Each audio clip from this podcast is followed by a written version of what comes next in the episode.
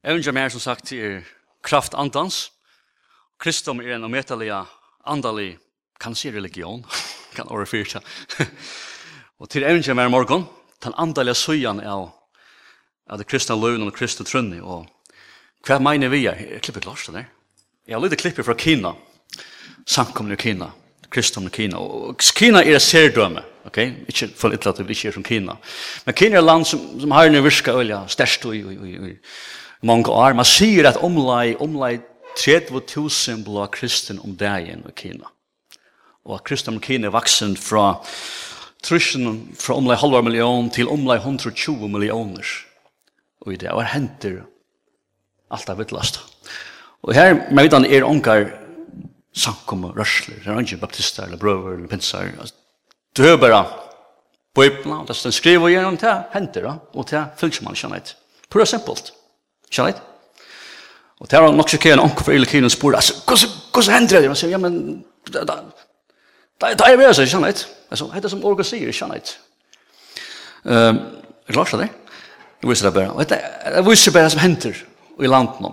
Hvordan herren virker. Men jeg synes hvordan en eldre brenner ut av meg. Det er det som jeg vil gjerne inn nå i kveld. I morgen.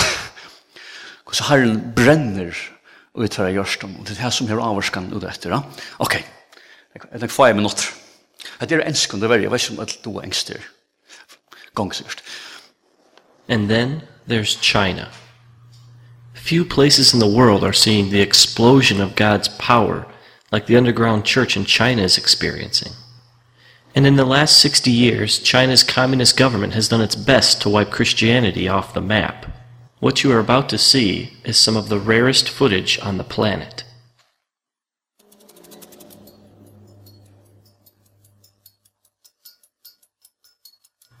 In this church, the people wake up at 4:30 to come together for 2 hours to pray and worship. They do this every day.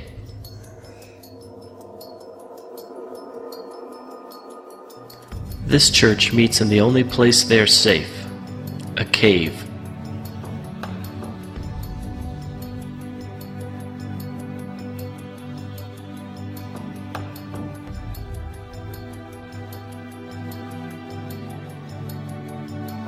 This church meets on a farm, far away from prying eyes.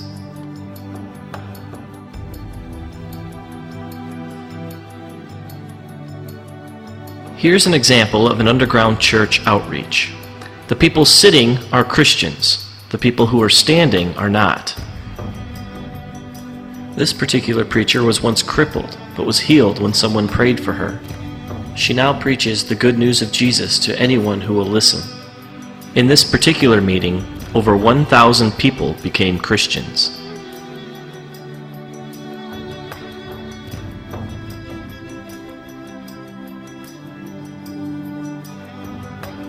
Here, Christians cast out demons from an 18-year-old girl.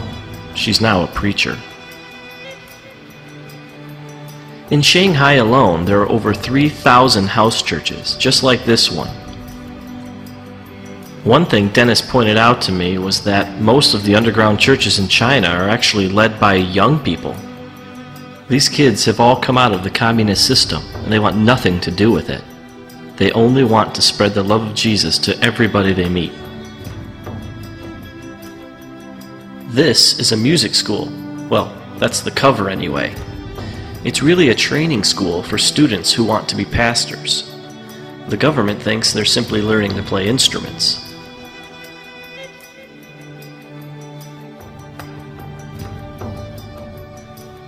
One thing I quickly realized about the Chinese church is that it's a lot different from the American one. For one thing, they think a 4-hour sermon is short. In this church service, it's 120 degrees inside the building. The people meet for 12 hours straight.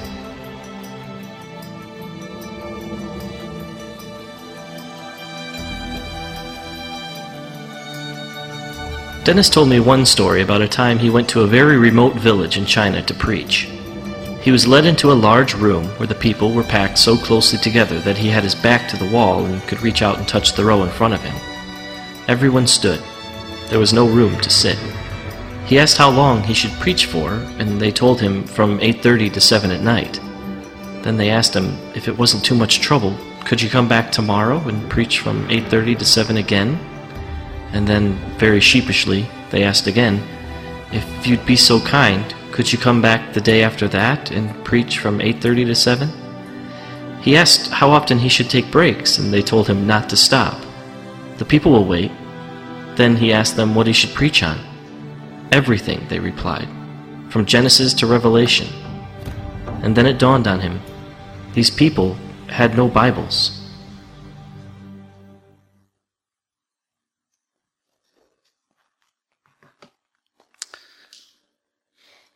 Sånne kan ikke, kan ikke organiseres dit. Det kommer innanifra. Det er kraftgods. Det er lov av god i at, at, at at arbeida. Så hva mener vi ta jeg sier at kristendom er en omøtelig andalig religion. Vi sier til det man er even naturlig søgene av, av det kristne trunnet, det som ligger 18-4 okkar, okkar bønner, okkar enderføring, okkar kristne liv, okkar møter, okkar prætigo, okkar misjon, hva er det som ligger 18-4? Det er den even naturlige søgene, og orgos er det tremon vi vi er sånn her, vi dømer. Da, man, tar man läs med et annet evsbrev som, som virkelig pakker vi sånn, sånn ting. Uh, det er kapittel 8, det som Paulus skriver om her. han tar sig om lums att, lums att, god personlig.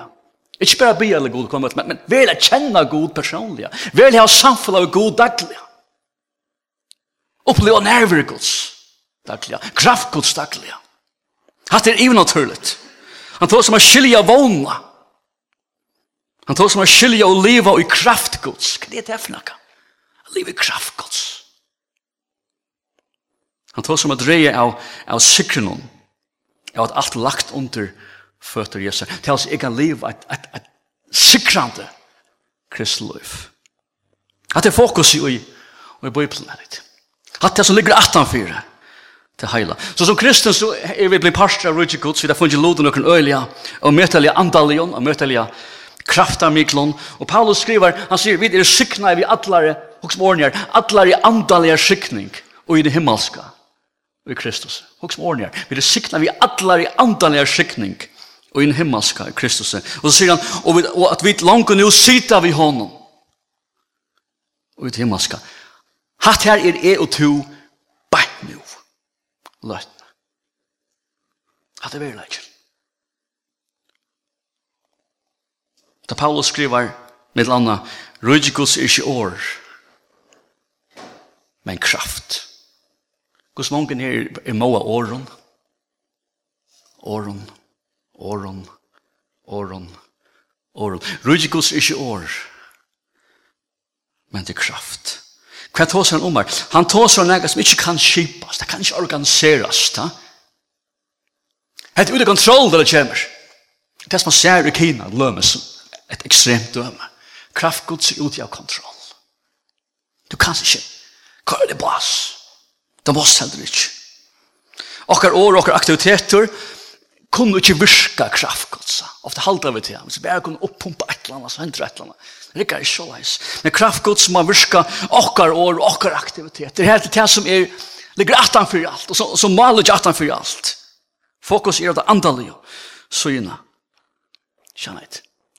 Nekker okra sankum fokusera á á kraftgods.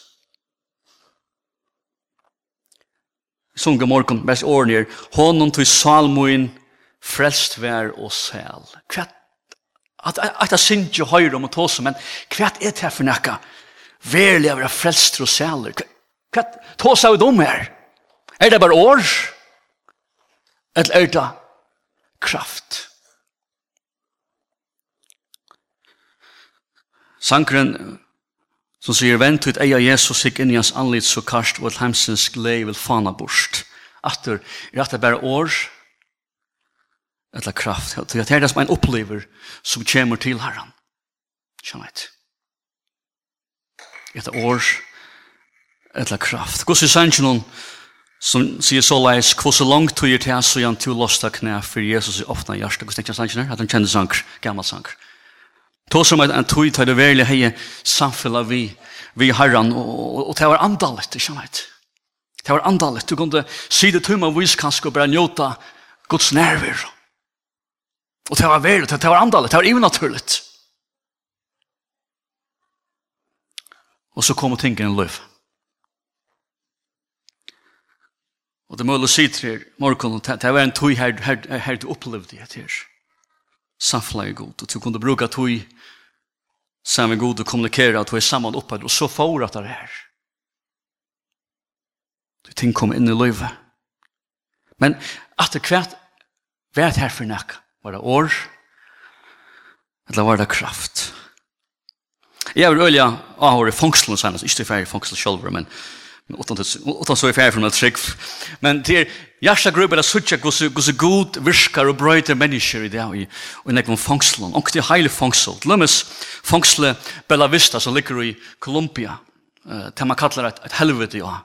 Och gör det stäs som hur säger tusen visst det mest brutala önto personen i landet så det är som samfällig hej hej hej droppa och uppgiva koncentrera önskap ein og stegi, lukka til landeina, fenga byrja at lua, omventer, og fangsel bliver transformera til eis ånderdrømmer, til og med San Josef fangsel Brasilia, er helt fangsel. er samme kaliber som kom til trygg, er fangsel som ikke langer er bruk for fenga vøren dit. Det fenga genga sjolver rundt vi, vi liklån. Hva, hva, hva er det som gjør sånn akka? Er, det, er det menneskevisdommer? Er det okkar ekna styrstje røynt av brøyda menneska? Er det nekka om han fra? Alt vit at her er nekka som må komme man fra. Og det, og det kjenner mange til heite man sier herren av Bella Vista, altså fangstelen. Man spyr hver er herren av Bella Vista? Det er Jesus som er herren i Bella Vista. Atter år, etla kraft. Kraft Er ikke trøtt av åren. Det er reist andre som drever okken saman, som gjør okken eit, som skaper okken en egen naturlig en kærlega og einlega mittel okken. Og så leis eida vera. Så leis eida vera.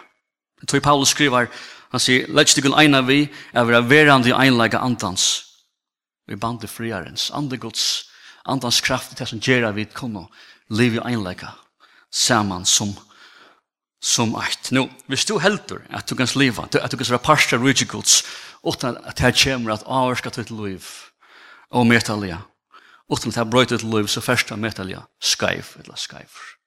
Det kommer at forvandla alt til liv. Til en hoksan, til en lusverdujer, til en livsstil, alt.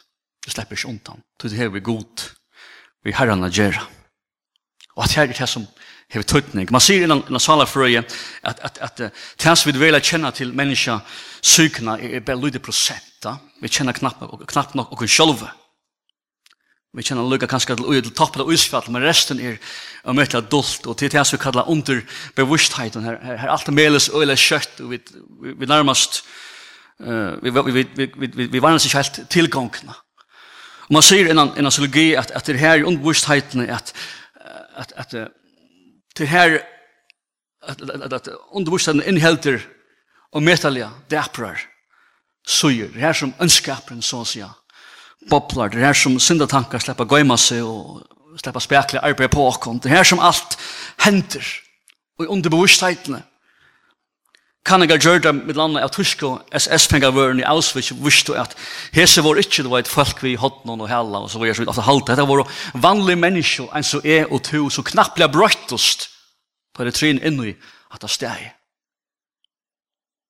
og det som kom overst og det som granska var til det som kom som en sjokk var at at det kunne være jeg og to og i morgen. Og i morgen. Menneska er ønt. Jeg tar det som Paulus sier til, han sier i mer og i holdemunnen bor ønske godt. Ønske godt. Vi tar jo mengan der fra godløsningen at vi kunne være god åttan god, er god åttan god. Og ærlig talt er fattelig sferia som eh, Stalin Mao, Pol Pot og er var alle kjent, var alle, kjent individer som rønt over å gåer utan god. Og så rønt over at, at skapa et samfunn som skulle, som skulle være godt utan, utan god. Men om sista Arondra har vi Lars dere og Neka så er det at, at, at, at menneska vil til rønt til å skapa en gåan heim utan god og mekna ikke anna enn at let etter seg enn en rikka fengatipon, hopgrøven, og lukta menneskjon, og løgten samfunnet. Gå utan god. Her ångan du rikka. Ångan du rikva. Bibelen er realistisk. A menneska er, er sjukt. Og menneskan har ikke brukt, har ikke bruk for det, så det er velasla endelig og lov og regler. Men menneskan har bruk for goddomligere grøying. Trobladsen er andaligere. Menneskan har tørv og en andalig inngrypan og andalig ombrøyting. Det tog Orkos tåsar om om andalig ting. Andalig ting. Enderføying. Enderføying. Reglar lover kunne ikke brøyta tøyta mot liv. Du måst fåast av nudjan. Det er andalit. God må slepp inn i tøyt liv. God må være slepp inn i tøyt liv. Det tog i orgos tåser om andan ståp at jeg må andalega innlimast inn i rujtjegods og i likam Kristus er hattir eisni andalit. Det tog Orgos tåser om andans fytling, at Gud vil fytla med vi syn anda og synare kraft. Gud vil virke med vi syn anda og synare kraft. Det tog Orgos tåser om andans avvokst, at Gud vil ikke bare fytla med vi synare kraft, men Gud vil virka og i mer Gud vil gjøre sutt versk, og i mer Gud vil ombrøyta med. Det tog Paulus skriver, han som byrja i sutt versk, og i tikkum for eisen jeg fullføra det. i orgos lærer at vi struja så sikra i okkar andra løyve, ikkje vi okkara kraft, men vi vi Guds kraft. Så her nyttar onge lov, eller regler, eller kipan, onge menneskekraft, eller visdomor, det kommer alt om han fra, og ta ma virka innvendiga. Han sier det så leis, Jesus kom ikke, kom ikke for å gjøre ringe menneske, gå. Han kom for å gjøre dett levant dett livant. Men det som ikke må hente, og nå kommer det, og hente jo mange er at vi lever okra liv, okra kristna liv, utan heilt at forska okkom og i hessare kraftene. Ja? Og vi mekker ikke utan hessare kraften at liv okra liv fullt ut som god vil til. Vi mekker ikke at samfunnet og einstakka utan vi lever i kraftene. Det er så god for uten å sitt versk leider ikke etter og vanlige mennesker og vanlige gaven og enleikon Han leider etter vanlige mennesker som han kan nøyte av en vanlige hatt. Hvordan er det her mulig? Det tog det kraft gods vid lyda. Ikke akkur enleikar ikke akkur gaver, akkur styrstje, akkur ubyggving, akkur venning, okker til kraft Guds som har alt å si. Utan til jeg alt annet til faen og ytis. Nå, vi så klipper kien og Johanna. Det som alltid er bergtidget med fra åregods er, er beskrivelse, løsningen av, av det første samkommet i, i Jerusalem i første århundra. Det er samfunnet, han, spenningen og den kraften som var det stedet Fyrsta samkomma beskriver at det punkt i søvn her er god for fyrst for å teke bostad og gjerne falsk og gjerne balsk. Ikke i middelen det, men, men ui i. Og det var ikke vanligt gjøre samfunnet. Det var ikke et, et politisk uh, verslig samfunnet. Det var et andalet. Andalet samfunnet. Nå samkomma nå i Jerusalem var ikke feilfri. Angen, angen samkomma er er feilfri. Vi vil ha hørsta for flere ferie at om du høyre om det perfekte samkommet, så ikke ferie, så er det ikke feilfri langer. Andre samkommet er, er feilfri. Samkommet nå i Jerusalem var ikke feilfri. Men hon fokuserer i andalit. Hon fokuserer i andalit. Tu lesa vi med andre sier, hese i åren i kapitel 4, vers 24, Her lukka skriver, Ta i teg, hårdu teg, lyttu teg av einan hjärsta opprøttsøyna til god. Ta i teg, hårdu teg, lyttu teg av einan hjärsta opprøttsøyna til god. Hetta vers hevur hevur tutning, við jeg kom aftur og 18 om. Men við suttjer fokus í at ta til Ta Til andalega. Hva er det å sige? Hva hender det at te kommer spara saman. Det var ikke bare en velfungerende samkomma, men, men sammen hadde det verlige samfunnet vi god. Verlige samfunnet vi god.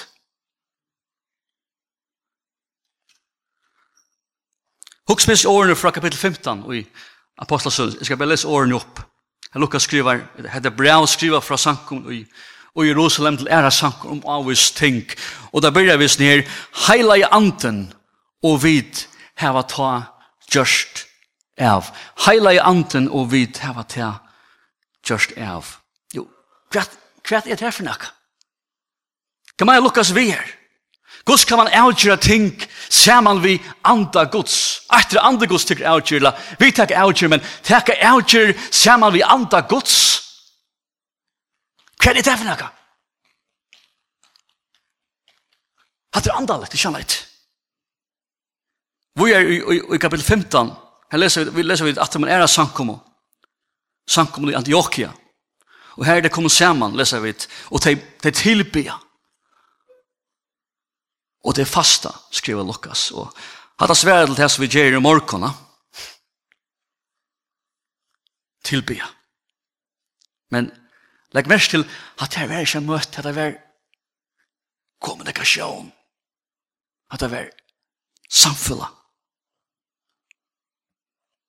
og til lustet andre gods sammen. Og andre gods blir det senda ut Saulas Paulus og, og, og Barnabas til verket som han har kallat her til. Legg mest til andre gods sier det ikke vi, vi Paulus og vi Barnabas, men han sier det vi samkommende. Ja, her er samfunnet sammen og ta samfella gonger oppetter. Tøys og Barnabas og Paulus var sendt ut, leser vi at den ferdig vi er i at bia og fasta. Jeg husker god vidi hos lengt hatt av møte hever ver. Tilbia og fasta. Bia og fasta. Og for en som er, som ikke kan sitte fri mer en 20 minutter,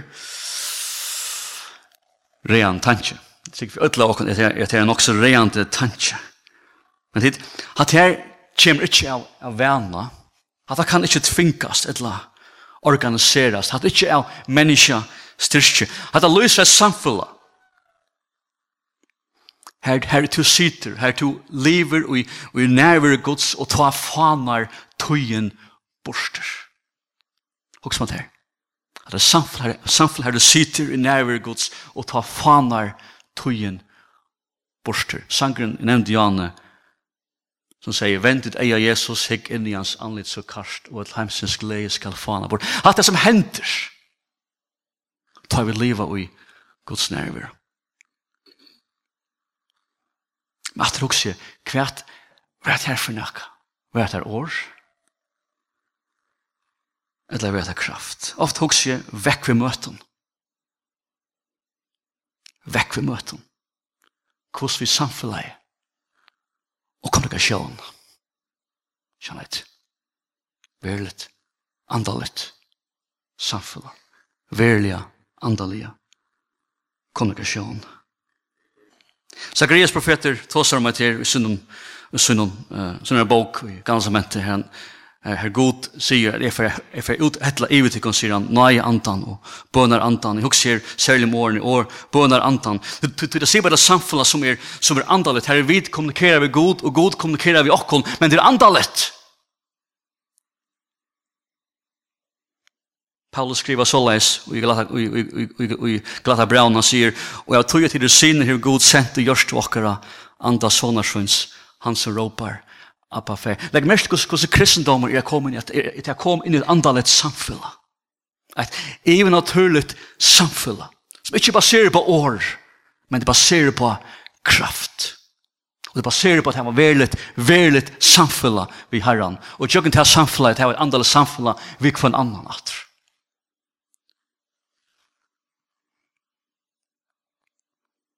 Paulus skriver til Sankon i Filippi, en av de mest reande avminningene og i bøyplene. Sankman i Filippi var en øyla god sankoma. Her var altså ønskja, ønskja sette fingeren og ha. Og lukka vel spyr Paulus' ordning, han spyr er nekka samfella andans. Hoks man der. Han sier en vel virkande sankoma vi gode menneskjon, gode tryggvante, men, men, men er nekka samfella andans. Her var det mulig å misnekka, spyr Paulus.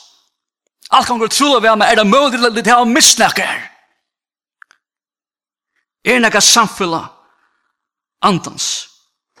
Hatt det var en god samkomma. Paulus spyr ikke om du, om du kommer møte, eller det leser kvann eller ber kvann eller det er god, men, men er det noe andans, spyr han.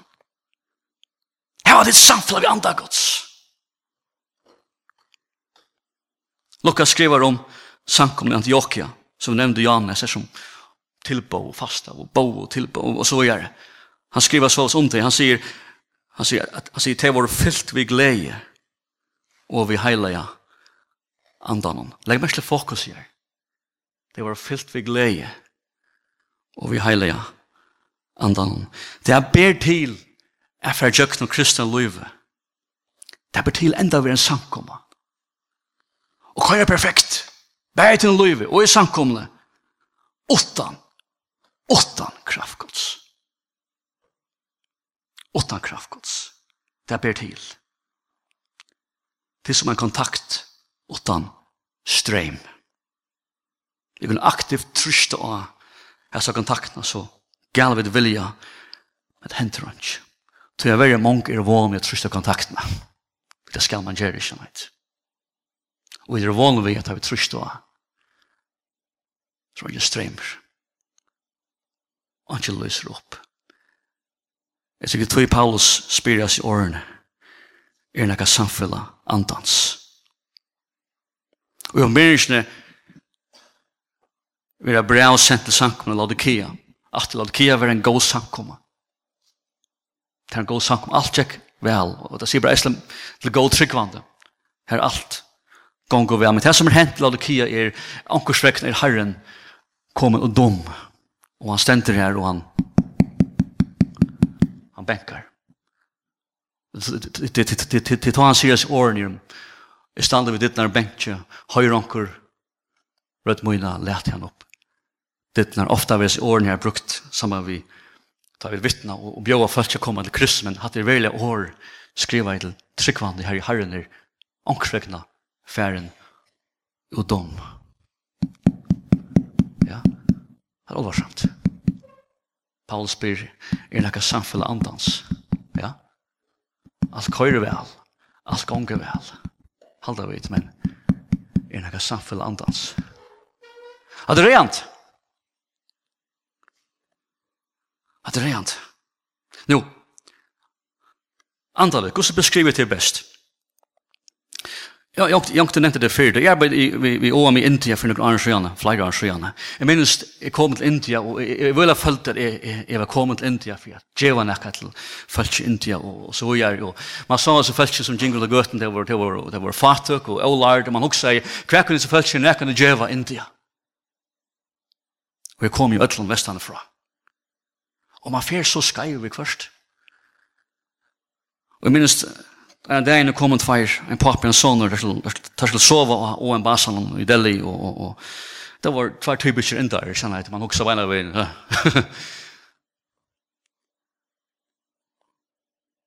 og det som jeg minnes til morgen etter, da jeg vakna. Jeg vakna alt tullig, jeg vil ikke ha løst her, og liksom. Arne finner det, og jeg lyver over. Og Og jeg minnes hans gamle vaknar, og hette det, hette det som ikke fyrir framar atter, og i tog sin gamle vaknar, jeg minnes det samme sekund jeg vaknar, samme sekundi gos han reiser opp, og han, han, han sier bare hardt, praise the Lord, at samme sekundi, men han vaknar. Så gengen jeg fyrir fyrir minutter, og vaknar sonaren, og til samme sekund jeg vaknar, samme sekundi, da først han sier, praise the Lord, og jeg husker jeg beina vegin, Ta er vakna, jeg skal lykke henne hana minutter, og lukka som minnes tidligere, kanskje kristen en gang, og så får jeg huske som ting skulle gjøres, og så kan det være jeg har en andakt, men, men huske det å vakna, og samme sekund du vakna, samme sekund er Herren. At den er munn. Du skal ha et øyelig godt samfla vi Herren. Jeg husker, jeg husker, jeg Jeg var ikke bjør India.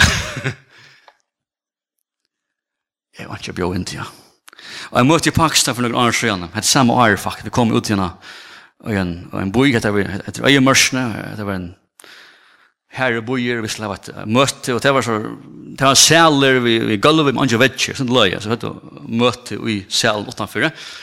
Og, og i Pakistan så folk kom han også sent av møte til vergene følgen. Annars skulle vi bygge minst møte i halvdelen åtta, bygge et eller annet kvalitet. Det er sånn ekstremt såleis. Men, men, men så, det har man kjøtt at Det er noe vi som her. Så folk blir å til ja. Ja? Til togene, og det sitter her, og det blir bia, og så og skjesser vi en, det er også pump i orgel, jeg må spille ved en hånd, en hånd, og så pumper vi ja.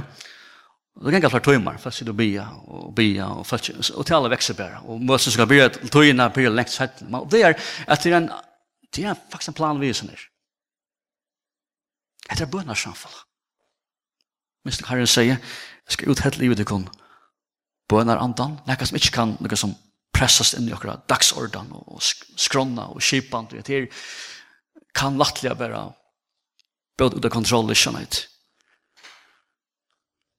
Og minnes vi, annars av møtene vi så til her, og folk blir å komme og spek, nå kommer en lille jente inn, nå kommer at han er fra, nå er en tjej, 8 år gammel, nå kommer inn, og setter seg midt i salen, folder hendene og og så fyrir en gang. Det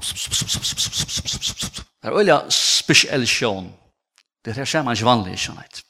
Jeg ser om jenta sitter her og blir, ja, og harsta hardt som ikke han møte. Jeg husker at han, at jeg knakket som foreldre av Larsen hjemme, så han, jeg ikke stikker noen Larsen min bøtten her, nei, jeg tar ikke bøtt, men, ja, pene venn. Så minns jeg ikke at han, at han 20 minutter, 20 minutter. Sp, sp, sp, sp, sp, sp, sp, sp, sp, nu får jag nu får jag hasta hasta en gång till. Och så och så börjar hon kommer och möter ensamhet. Schönhet. Och tar gammal. Och inte tvingar han. Och inte tvingar han. Kanske är 20 minutter. Vi ser hjärsta ut. Og jeg møtte kjære gammel. Det ligger mye en åregarett som vi sitter der. Ikke på ikke. Hun er samband oppe. Jeg minns jeg også sa jeg ta. Hvordan jeg bøtt, så gjør vi ta en bønne møte. Vi følger han. Vi følger han.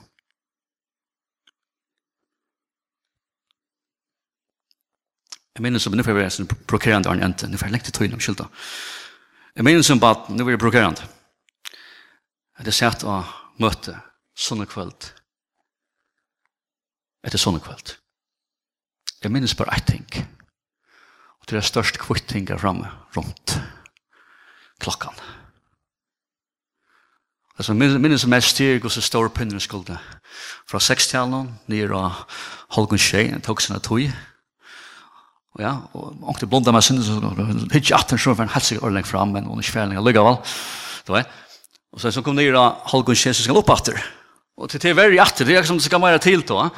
Så kommer, om hun skal opp av Klant tjej så var det, nu er vann för frammanna, holdt dem efter. men det är strave, Och så kommer enda, så kommer enda lera halkon 8, men så först jag får upp som alltid fortsätter. veist, så, så men vi har møtt til halkon, akkurat er 8, veist, va? Jeg minnes det at rattest sånne där. Jeg rattest sånne dager, og jeg husker beina en. er grunden til han at han manglar strøymer. Jeg vet at det vil støvann nekva stane, og at det støvann nekva stane. Og det, er, og det er slett som om, om her en tonleik og drama og, og, og, og søv for bøttene og så var det en eller støyl. Hatt det kan hende her eisne, hatt det kan hende tinsrille larmen eisne. Skjønner jeg Det er som kraftgods. Det er som kraftgods. Tid, vi dodger. Åttan, Jeg ser kraftene. Hvordan lekker ikke vi tale og prædike ikke tøyene her? Skjønner jeg Nekv. Han sier det så leis, hvordan kunne vi hava et dett møte vi en livande Kristus? Nå sier vi ikke tonleik, eller stil. Det kan lukka mykje. Men hvordan kunne hava et dett møte, ikke henter, vi en livande Kristus? Hvordan er det mulig? Kristus var første århundra. Breit for ære menta vi til at bøtten ens vaksen til gjørdos lærsveinar Jesus her. At det vers vi låser fra apostelsen som fyrir Johan her i ødel einon hjärsta, litt upp som rødle god. I var lest til talen vi om at her er vi bæge vaksen og ung og bøttel stegar. Og ødel av tidlig lot. Ta vi er ikke badnarbeid. Ta var ikke ungdomsarbeid, alt og alt, alt vår samsynd, og ta spennande spennende kvitt. Ikke det var, vår var instrumenter, og det var drama, men tog kraft Guds virka i, kraft Guds var det nærvare Guds var det steier. Hatta var en atmosfære av bøtten, vi gleder hadde lette, iPaden og iPoden og alt annet suje som kommer til her hendte nekka.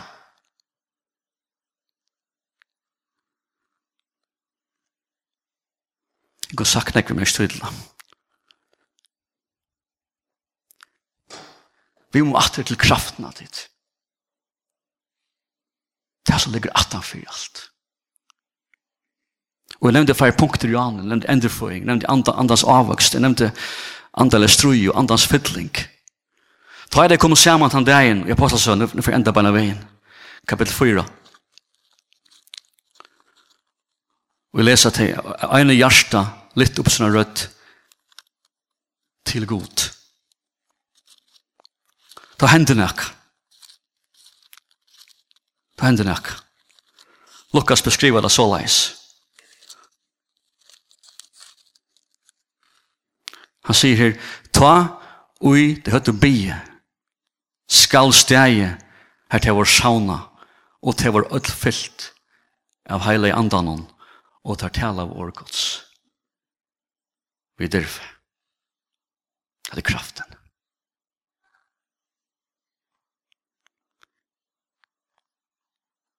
Paulus skriver, når en brev, han sier, han blir ikke ved dusjen av vinen, men han sier, let deg om fytla av andaman.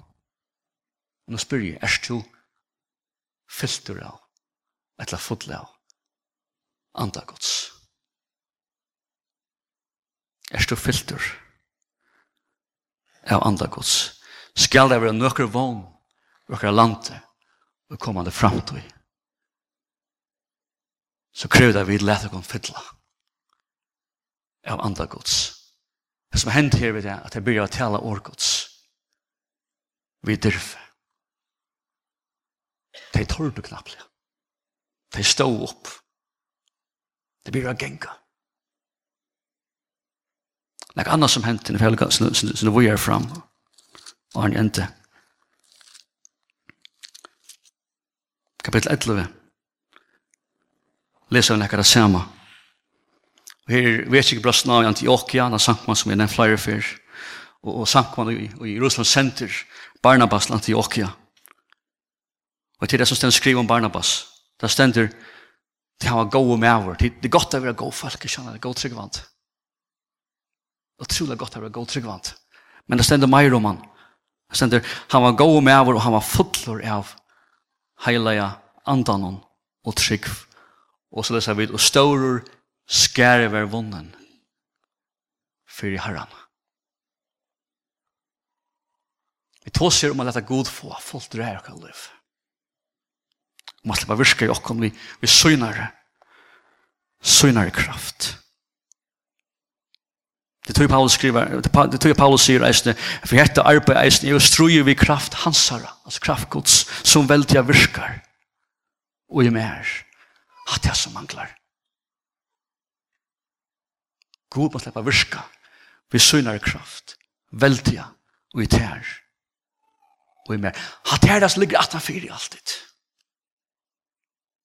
At han fyrer alltid kom han tusk tuskvall i bønamøtt i lån. Skjønner jeg? Kan jeg heita det, heita alt man gjør et ting. Sett hatt kvöld det av. Jeg minnes en tog i fyrjon tid. Tor ærlig. Det har ju tog inom skyldan. Det är viktigt. Jag minns en tog i förrjön tar jag kristam och blåma i. Jag minns var jag i Benes, jag minns hur som möte, bönamöte var fullt av folk. Vi unga samlast att han har för mycket Og bo vi er fors ungfolk, trus ungfolk, bo er tøyma træt. Minst ena fyrir slukte mig i evangeliuset, det var ta, ta banna ta var det. og når sånn, stukt meg og kvinner, vi så menn og kvinner stand her og råpa til god av fullt hjert. Jeg kjente jeg var pinsar som kjenge bedre bøna møtter. Først manna kveld her, tysk kveld her og mig kveld her. Hatt jeg var en, en bøna mentan. Jeg snakker Jan om, om, om, om, om, om, om, om deg og møter ditt, tradisjoner, hvor er det hentur over? Jeg snakker med en gammal mann når han det. Eldre med som minnskus han som baden, smadronker, og sunne samkom og herre av vetjeng. Og så er det sånt vær og ting, ting, ting. Det er røpt til herren, bøtten, ung, og er hentu og ting. Er hentu og ting. Nå er det vi tok som at det kristi fyrrund det er grunn av tog vetjengisene, men det er bare mentan. Det er bo, det er til herren.